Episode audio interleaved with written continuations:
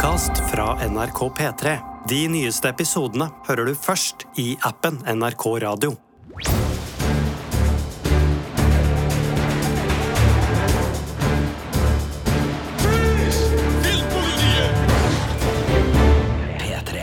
Enten du er stranda på en øde øy, er stuck i en buss du ikke kan bremse, må komme deg til øverste etasje i en blokk, eller ikke kommer deg av et tog, så er forholdene for skikkelig god action lagt til rette.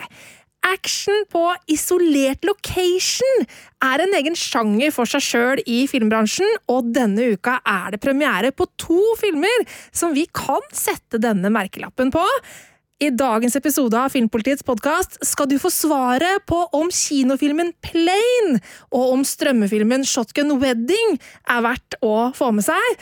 Og så må vi også gi deg hvert vårt tips til hvilken actionfilm på isolert location vi mener du bare må se. Og vi er som vanlig Birger? Sigurd? og Marte. Og Birger, det er du som har vært på, på kino og sett Plane. Hva er settinga der? Ja, Jared Butler spiller flykaptein som må nødlande et stort passasjerfly på en ukjent øy et sted på Filippinene, og må plutselig forsvare seg og passasjerene mot en ny trussel. Ikke sant? Og i Shotgun Wedding, som straks er ute på strømmetjenesten Prime Video, må uh, Jennifer Lopez og Jennifer Coolidge uh, slåss mot pirater, uh, også på ei øy ikke så langt unna, tror jeg. og det er da pirater som har isolert dem der. Ikke sant. og dette her er jo to actionfilmer jeg har syntes sett artig ut på trailer og så videre. Jeg har litt lyst til å starte med, med J.Lo og, og og JQ, eh, hvis vi kan si det. Altså Jennifer Coolidge hun har jo virkelig vært i vinden i det siste.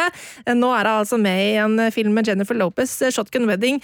Eh, er det her noe artige saker å få med seg, Sigurd? Du, det her er veldig tynn uh, suppe, som reddes av litt uh, stjernekraft. Og det er de to Jenniferene du snakka om. Jeg vet ikke om den J.Co. Uh, på Jennifer Coolidge kommer til å Jeg tror ikke det kommer til å slå an. Jennifer Lopez, gigantisk stjerne og hovedrolleinnehaver her. Hun har jo slått seg opp både som artist og som skuespiller og gjort utrolig mye bra. Sist jeg så henne som det virkelig var liksom, terningkast fem og nydelig, var i filmen Hustlers, som er basert på virkelige hendelser, og som kom for et par år siden. Hun er en drivende god skuespiller, og hun leder da an i det her. Og så er Jennifer Coolidge, som vi har sett i The White Lotus, den Emmy-vinnende miniserien, eh, som også foregår på eh, ja, litt sånn lignende omgivelser, for her er det et bryllup eh, av type prestisje, location-bryllup heter det vel, eller destination-bryllup heter det, ja.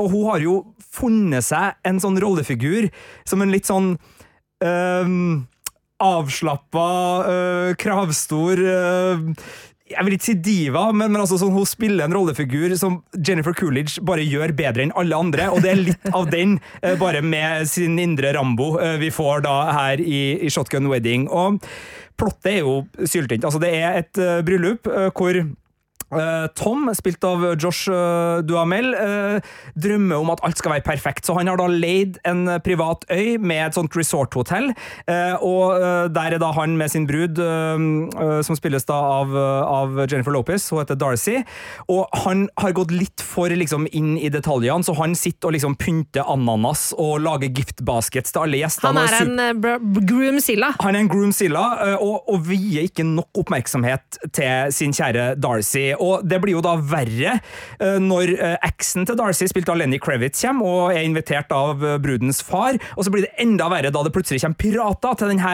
øya og tar gisler og kutter wifi og gjør at de er helt isolert da på denne greia.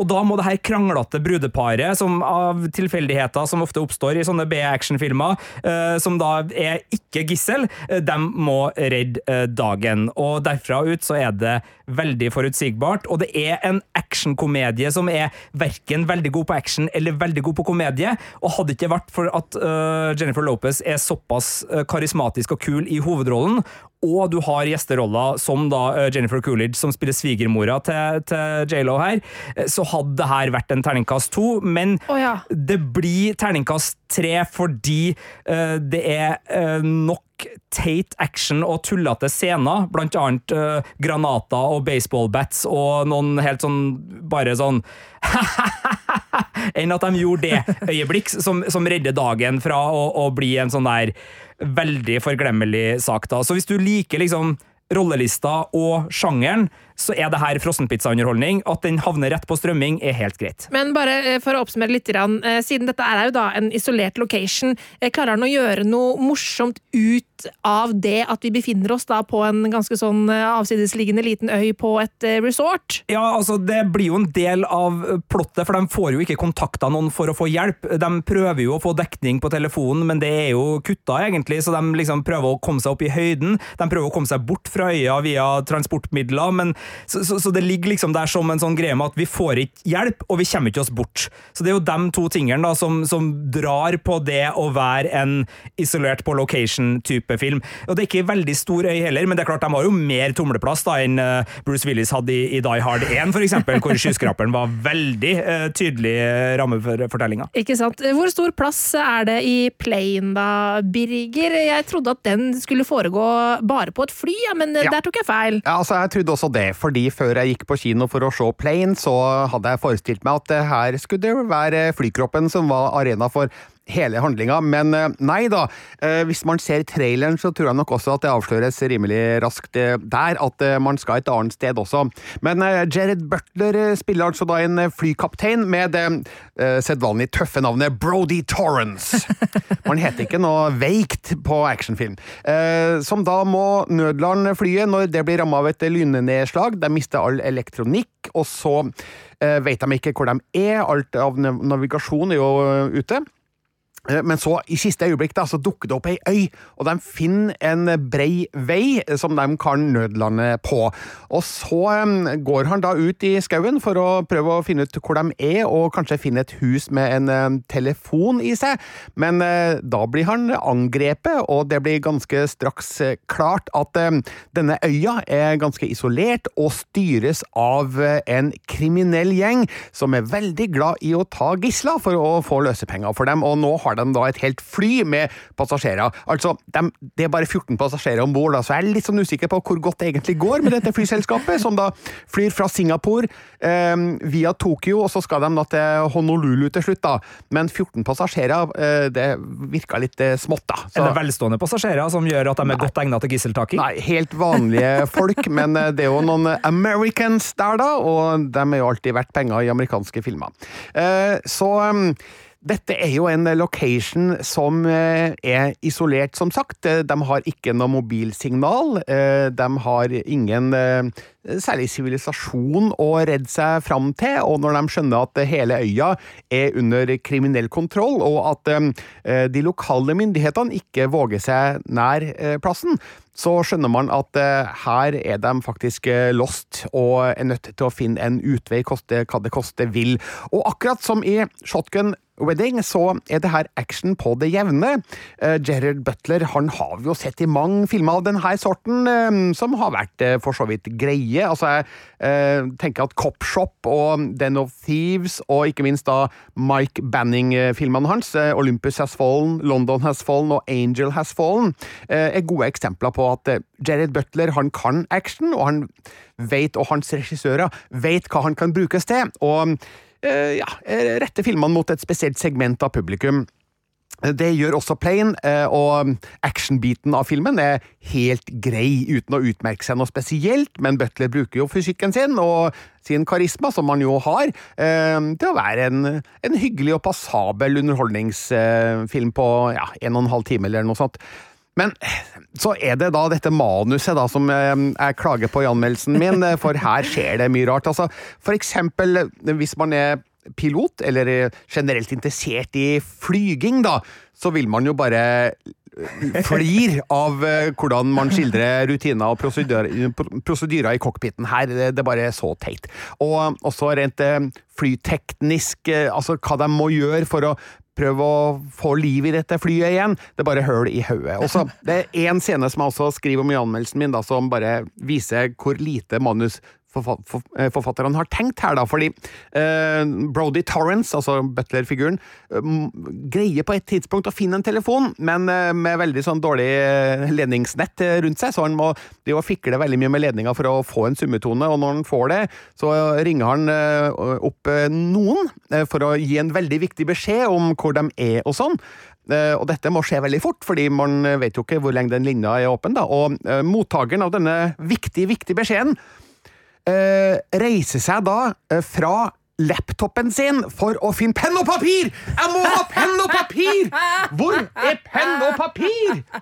Så det er bare en sånn logisk brist ute og går der, som gjør at eh, det blir for teit. Og jeg spør i anmeldelsen min hvor dum kan en film egentlig være, men så gir jeg terningkast tre, da, fordi Plain har en, del, en god del action og slåssing og skjøting som, som ikke er helt eh, bak mål, da. Så derfor så er det en helt middels actionfilm som eh, så vidt rettferdiggjør et lite liv på kino, men den passer nok best for strømming. Ja, og så må jeg bare si, altså Dette her er da to filmer, action på isolert location. Begge får terningkast eh, tre eh, på hengende håret på Shotgun Wedding. Bare skyte inn at eh, i hvert fall uh, den her uh, Shotgun Wedding had, det, det, føles som en sånn sen 90-tallsfilm. Jeg vet ikke, Føles også plain som en film fra, fra et litt annet tiår, eller? Uh, ja, faktisk.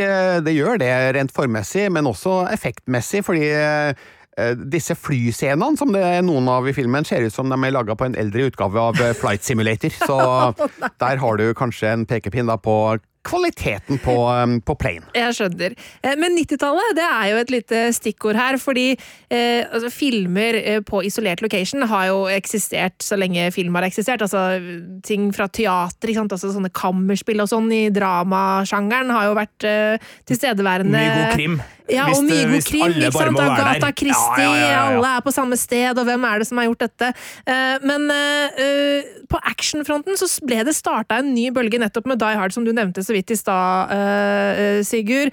da den kom i 1988, altså denne skyskraperen som Bruce Willis var stuck inni med en gjeng med terrorister. Og så kom jo liksom kapring på åpent hav, Speed, Air Force One, The Rock utover 90-tallet. Mye god action eh, hvor man er stuck på et skip eller på en buss eller eh, på et fly. Ja, og du nevnte tog, kapring i høy hastighet, som var oppfølgeren til Åpent hav. Steven Segal uh, tok først båten, så toget. Ja, jeg, jeg vil bare eh, skyte inn at det, det finnes nok flere av uh, sorten før Die Hard Absolutt. også, men Die Hard var jo den som virkelig sementerte hele det konseptet da, for de neste 10-20 åra.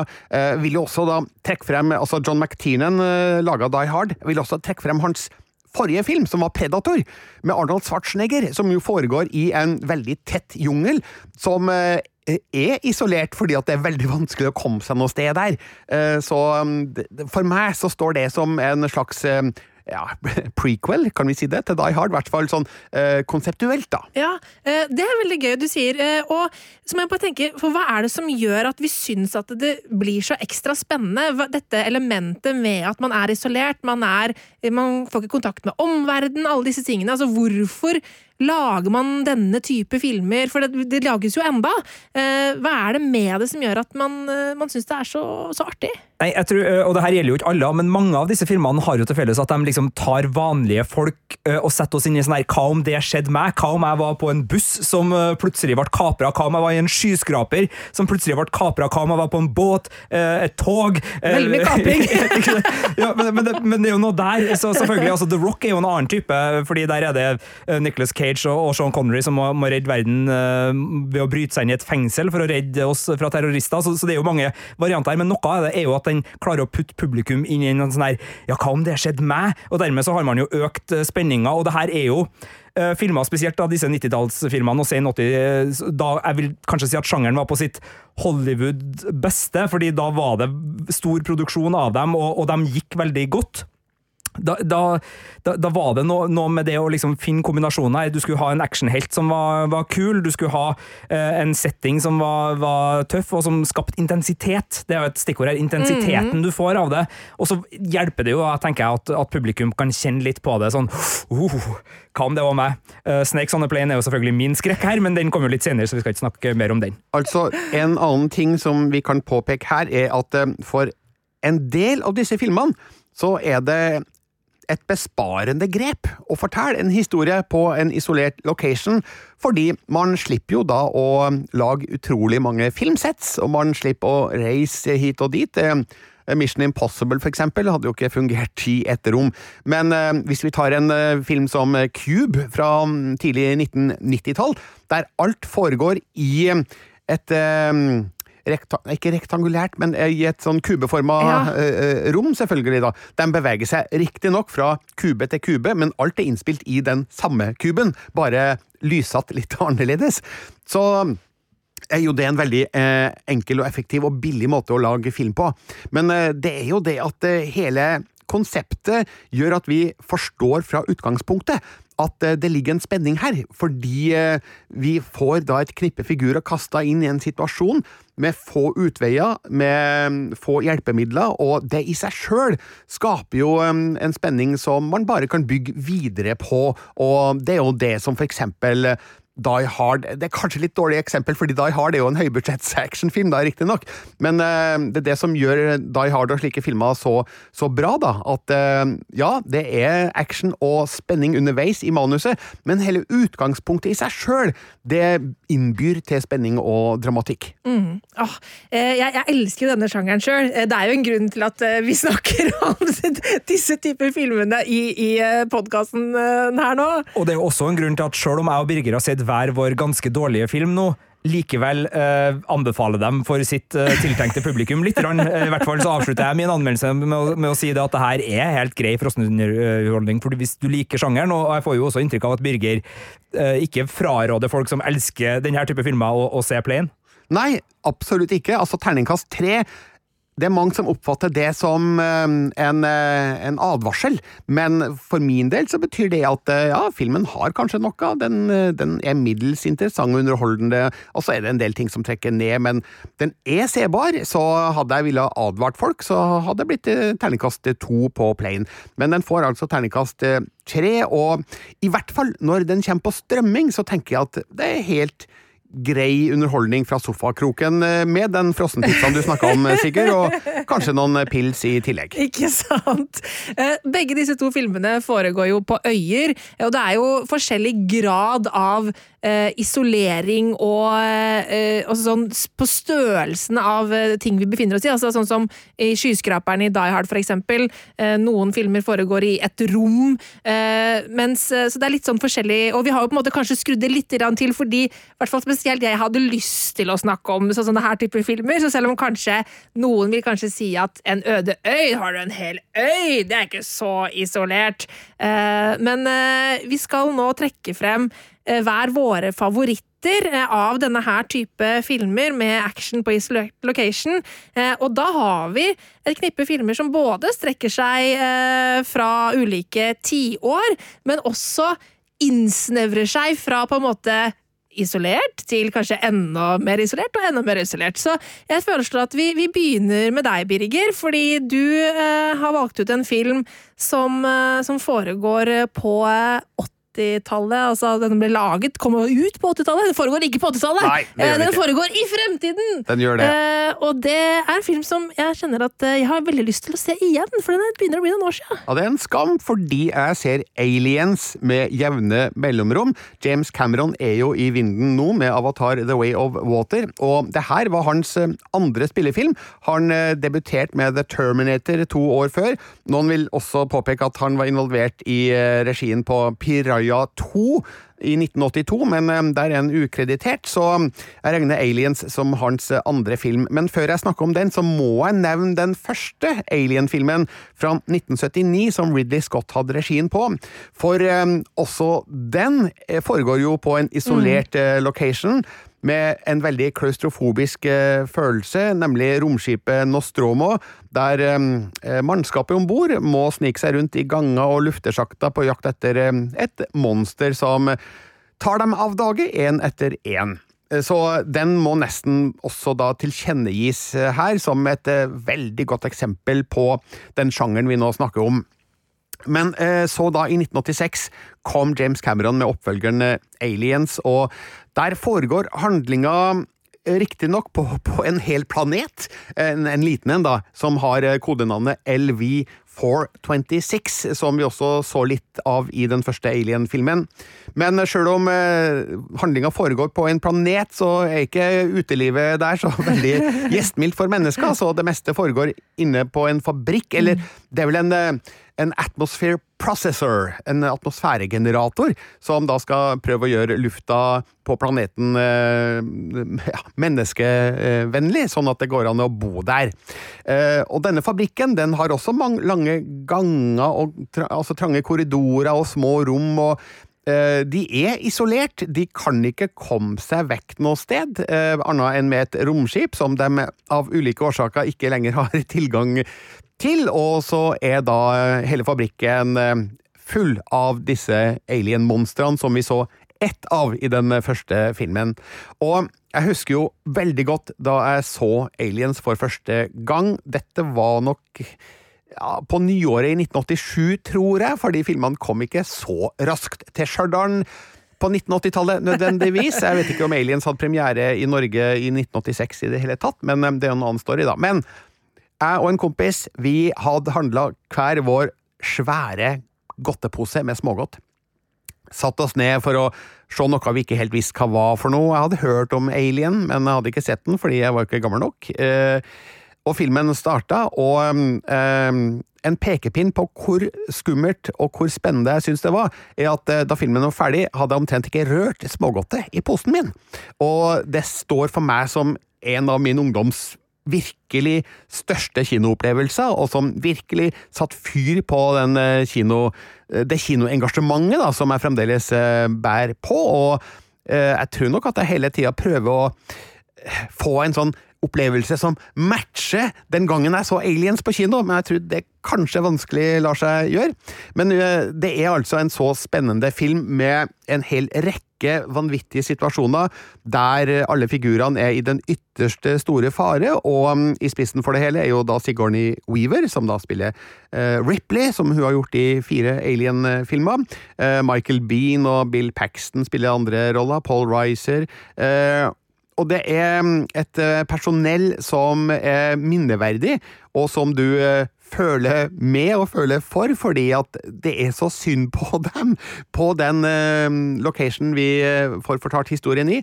det er så hardt og brutalt og trangt og mørkt og klaustrofobisk og vanskelig at man skjønner jo ganske kjapt at disse folka, de er i deep shit. Og det er ikke noe utsyn for snarlig bedring.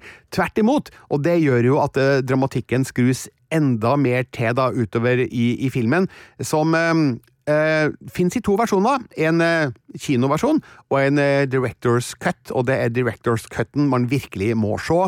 Den er ca. 20 minutter lenger og har så mange essensielle tilleggsscener som gjør det til den definitive versjonen. Så hvis man vil se Aliens nå, og finne den på en strømmetjeneste, så pass på å se den lengste versjonen hvis du har et valg, da. Oh, ja, for det, den er tilgjengelig på, på Disney pluss. Jeg vet ikke hvilken versjon som ligger der, men den er jo også tilgjengelig på, på, leie rundt omkring, så der kan man kanskje muligens velge.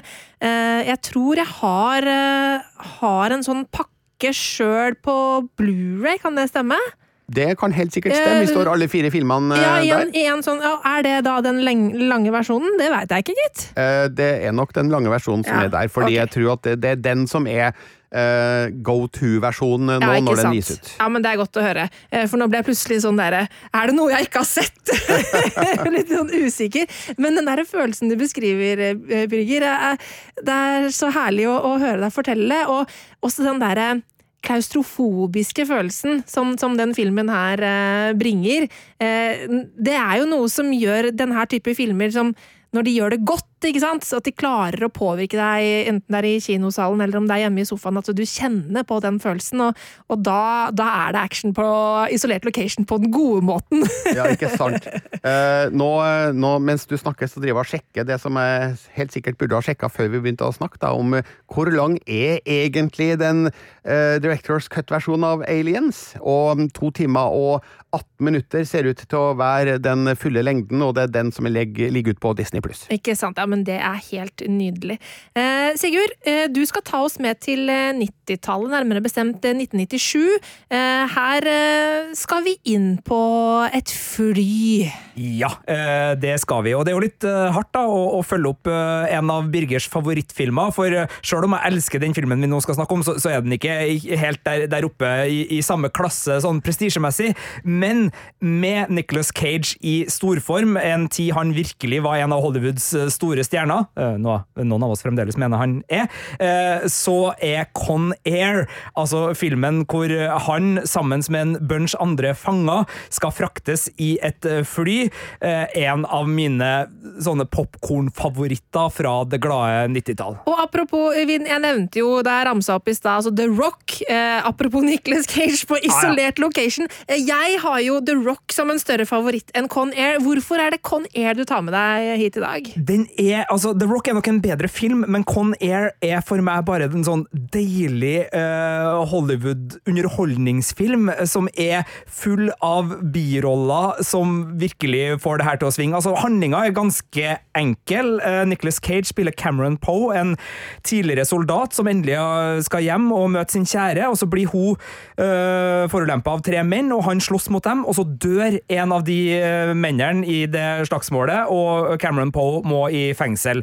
Og så er han tilfeldigvis da en av disse som skal, skal overføres, eh, men her er det jo mye verre folk enn Cameron Poe i lufta, og de har tenkt å kapre det her flyet eh, og stikke av til, til, ut av fengsel og til friheten.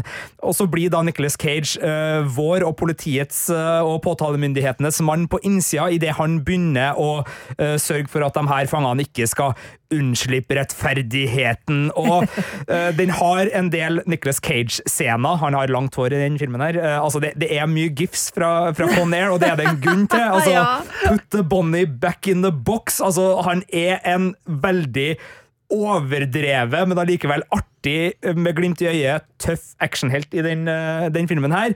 John Cusack, eh, Steve Buscemi, Wing Rames er blant de andre forbryterne. Danny Treho, eh, kjent fra mange Robert Rodriguez og filmer, og, og, det er så mange av de der 90-talls skuespillerne som, som spilte i for så vidt bedre filmer. altså Wing Rames gjorde det bedre i Pulp Fiction, men her er han artig. altså John Malkovich er jo utrolig god når han da spiller Cyrus the Virus, som da er hovedantagonisten her. En skikkelig, skikkelig psykopat. Steve Buscemi er så psykopat at han er låst inne. Litt sånn Hannibal Lecter-stil. Så de har Det han er dratt på. disturbing. Ja, ja, de, de har dratt på her. Og så er John Cusack, da, som eh, på denne tida også var en, en eh, stor skuespiller, med og, og er vår andre etterforskningshelt. Da, for han skjønner litt at eh, Cameron Poe er ikke en del av dem som prøver å flykte.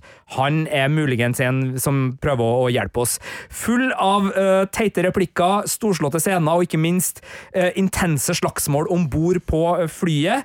Og eh, har en avslutningssekvens òg som er så over the top at du nesten må ha Nicolas Cage i hovedrollen for å lande en sånn film. Eh, herlighet, mannen som eh, med glimt i øyet kan rope 'I'm going to steal the Declaration of Independence', som han gjør i National Treasure, kan selvfølgelig eh, levere eh, drøssevis av eh, gode one-liners også i Con Air. Den ligger også på Disney Pluss, for dem som ønsker en eh, kjapp eh, strømmetilgang, hvis du har den strømmetjenesten. Hvis ikke, så kan den leies og kjøpes stort sett overalt. Jeg har den på Blu-ray. Eh, Det er kanskje mange som har den liggende i hylle, og som vi snakka om litt her før, Birger, håper den får seg en ny sånn 4K Blu-ray-utgivelse nå snart, fordi det er en film jeg alltid har lyst til å ha i hylla mi, på så stort volum, både visuelt og, og lydmessig, som jeg kan få, for den, den drønner jo godt også som actionfilm. Men ikke verdens beste film, det her, men du verden, altså hvis du har en uh, sånn kveld hvor du kanskje har laga deg et skikkelig godt måltid og har noe skikkelig godt i glasset og har bare lyst på noe som er svært og ikke dumt, men, men uh, teit på den rette måten, så er Con Air min hjerteligste anbefaling. Uh, selvfølgelig kanskje i en double bill med The Rock, da, så har du to gode Nicolas Cage-filmer fra 90-tallet. Ja, Det er ikke, ikke dumt i det hele tatt. Uh, Da er vi kommet til, til min tur, og vi har nevnt tog et par ganger i løpet av podkasten her, og vi skal inn på et tog nå, nemlig Snowpiercer. Og jeg snakker ikke om eh, serien eh, på Netflix. Eh, Den skal vi ikke inn på. Jeg snakker om Bong John-hos eh, aller første engelskspråklige film, Snowpiercer, som kom i 2013. Eh, og på dette tidspunktet så kjente jeg han kun som en filmskaper som eh, hadde laga The Host, altså den skrekkfilmen. Nå er han jo aller mest kjent for å ha laga Parasitt. Eh, men Snowpiercer den kom altså drønnende inn som en skikkelig kul blockbuster, ja, eh, men med da eh, koreansk eh, sjangervri på seg. Og dette her er jo da historien om hva skal vi kalle det, Noas ark bare på tog. Istida er i ferd med å innta jordkloden, og menneskeheten må overleve. Det gjør vi på et tog hvor bare de rikeste og mest velstående og de som har de beste jobbene og alt mulig sånt, har fått billett. Og så har du da den siste vogna som blir storma av de som ikke har billett, som da tar seg om bord på toget og må leve i forferdelig slum og jævelskap eh, helt bakerst i toget. Eh, og i Snowpiercer-filmen så følger vi da et et opprør som starter opp i de bakerste vognene, og det er jo da ledet an av en fyr som vi kjenner kanskje aller best som Captain America, nemlig Chris Evans i en litt sånn der ugjenkjennelig rolle i, i figuren Curtis. Og det som er så gøy med denne filmen, her, er at ja, det er en Hollywood-blockbuster, men den er så utrolig tilskrudd eh, koreansk, og den har skikkelig mange kule sjangergrep fra koreansk actionfilm som er veldig underholdende å se. Og så har den jo alle disse vognene, fordi at poenget med denne filmen er at vi må komme oss fra den bakerste vogna til da lokomotivet helt foran i toget. Og det er jo ganske så mange vogner på veien dit. Jeg hadde glemt at det var Chris Evans som ja, nei, Han er helt ugjenkjennelig! Ja. Når, du, når du sa det nå. Men jeg husker, og det var litt sånn Da serien kom, så ble det gjort et poeng ut av, fordi den klaustrofobien blir også fanga veldig godt med kamerajobbinga i filmen. I serien så var det litt mer at man så at man hadde kulisser, og så var de mm. filma sånn at man hadde Man fikk ikke den den samme klaustrofobiske uh, energien da, i, i de togsettene, men det gjør man jo virkelig i den filmen. og Jeg husker jo det her som en frenetisk fest av en film, mm. som også har uh, sosial kommentar og spesielt da klasseskiller som en sånn veldig tydelig tematikk. Det har jo mange av hans filmer, det hadde jo også Parasitt, mm. og ofte så gjøres det uh, Det er jo ikke at det ikke tar stor plass, men, men det det, det, tar ingenting bort fra spenninga og actionet i denne filmen. Det er bare en naturlig del av premisset som gjør at det er veldig lett å både heie på og ha avsky for. Men samtidig så, så, er det interessante perspektiver som, som trekkes fram her. Og, og uh, så husker jeg også at jeg beit meg merke i uh, maten i denne ja. filmen. Skal ikke si noe mer om det. Mm. og den har jo noen utrolig kule rollefigurer også, i tillegg da til Chris Evans sin veldig sånn barske, litt butte type. For eksempel Tilda Swinton, som gjør en helt sånn eh, ja, fabelaktig, helsprø karikatur av en eh, person, eh, som da Mr. Wilfords eh, minister eh, Mason, og Mr. Wilford er jo da han som eier dette toget, og som på en måte er eh, lokføreren her. Um, og det bare er så gøy, og jeg elsker hvordan alt er så tilskudd. Det er jo noen som syns at um, denne type actionfilm eh, fra Asia kan bli for tilskudd. Eh, for det er jo en del sånne sjangergrep eh, i slåsskamper, for eksempel, som, som, er veldig, veldig over the top. Men når det gjøres bra, så er det jo veldig gøy.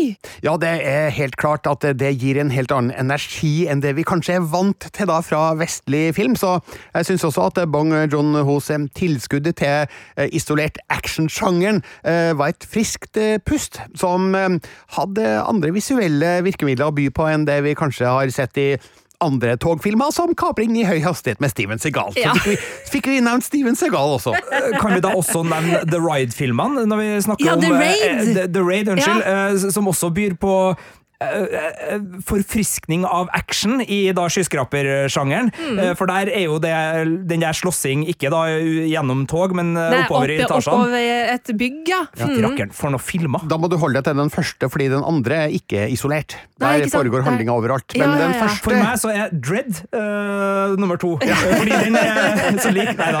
Uh, men den er skyskraper. Ja, den første. Uh, Ja. Ja.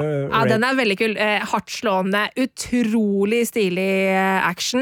Eh, og, og mens vi også er inne på tog eh, fra, fra Korea, så kan vi jo nevne også da eh, Train to Busan, som også er en skikkelig tøff eh, eh, action på isolert location-film eh, i zombiesjangeren. Eh, så så det, er, det er veldig mye gøy å ta av. Siden vi drar flere ulike referanser her nå, altså i Snowpiercer så spiller jo Ed Harris eh, Ja. en av eh, hovedrollene. Det er vel han som har skapt hele toget. Eh, Ed Harris han husker jeg jo veldig godt fra en annen James Cameron-film, nemlig The Abyss fra 1989, som også er en isolert action-thriller, der eh, mannskapet på en undersjøisk borerigg må kjempe mot eh, eksterne krefter, kan vi vel si da, og Ed Harris i eh, hovedrollen der. Og siden vi snakker om James Cameron-filmer, nå har ikke jeg sett den filmen her, eh, men den feirer jo 25 år. Jeg vil jo tro at Titanic også er en actionfilm på location. Du kan jo argumentere med at eh, figurene i Titanic uh, har litt av de samme problemene som andre vi nå har snakka om, og uh, Titanic kommer jo straks på kino igjen i en remastra 3D-utgave, og alt som har sett Avatar, vet hva James Cameron kan gjøre med 3D, altså 3D-teknologien. Ja, ja, ja. Riktignok ble ikke Titanic eh, skutt i 3D, men eh, jeg er ganske sikker på at Cameron har eh, fått konvertert filmen til 3D på et veldig effektivt vis. Og nå, siden det er 25-årsjubileum, så skal jeg love, herre gangen skal jeg faktisk få sett Titanic. Ja, det, det det, er- er visst på tide, har jeg skjønt. Det er helt sjukt. Sigurd Vik har ikke sett eh, Titanic. Men Snowpiercer, den hadde du sett. Og hvis du som hører på har lyst til å se den, så er det bare å gjøre det. Den er tilgjengelig på Viaplay og til leie stort sett overalt hvor du leier film. Så, så det var eh, dagens anbefalinger fra oss her i Filmpolitiet. Altså Aliens, Con Air og Snowpiercer. Eh, tilgjengelig på Disney pluss, Disney pluss Viaplay og til leie stort sett eh, overalt. Og så må du kanskje ha litt mer sånn ekstra Du må kanskje være litt ekstra J.Lo-fan for å se Shotgun Wedding, og kanskje litt ekstra Gerard Butler-fan for å se Playen, da, men eh, terningkast tre er ikke en toer. Det er vi i hvert fall helt enige om. Den familien jeg har lyst til å være en del av på søndager, det er Maurstads. Vil du ha en sånn stikling, forresten? Ja, Den som står der foran, stakkar, står og roper 'Else, Else!' Og boller. Små og boller! Åh, Nei, har du sett på makken? Det er smågodt. Smågodt! Det er smågodt. Det er millioner av smågodt! Her er det en uh, bollegenser. Det er hvis livet er litt balle. Det er, Balle? Å ja. Ja. Har dette med altså pungen til menn å gjøre? Ja. Kåss Furuseths.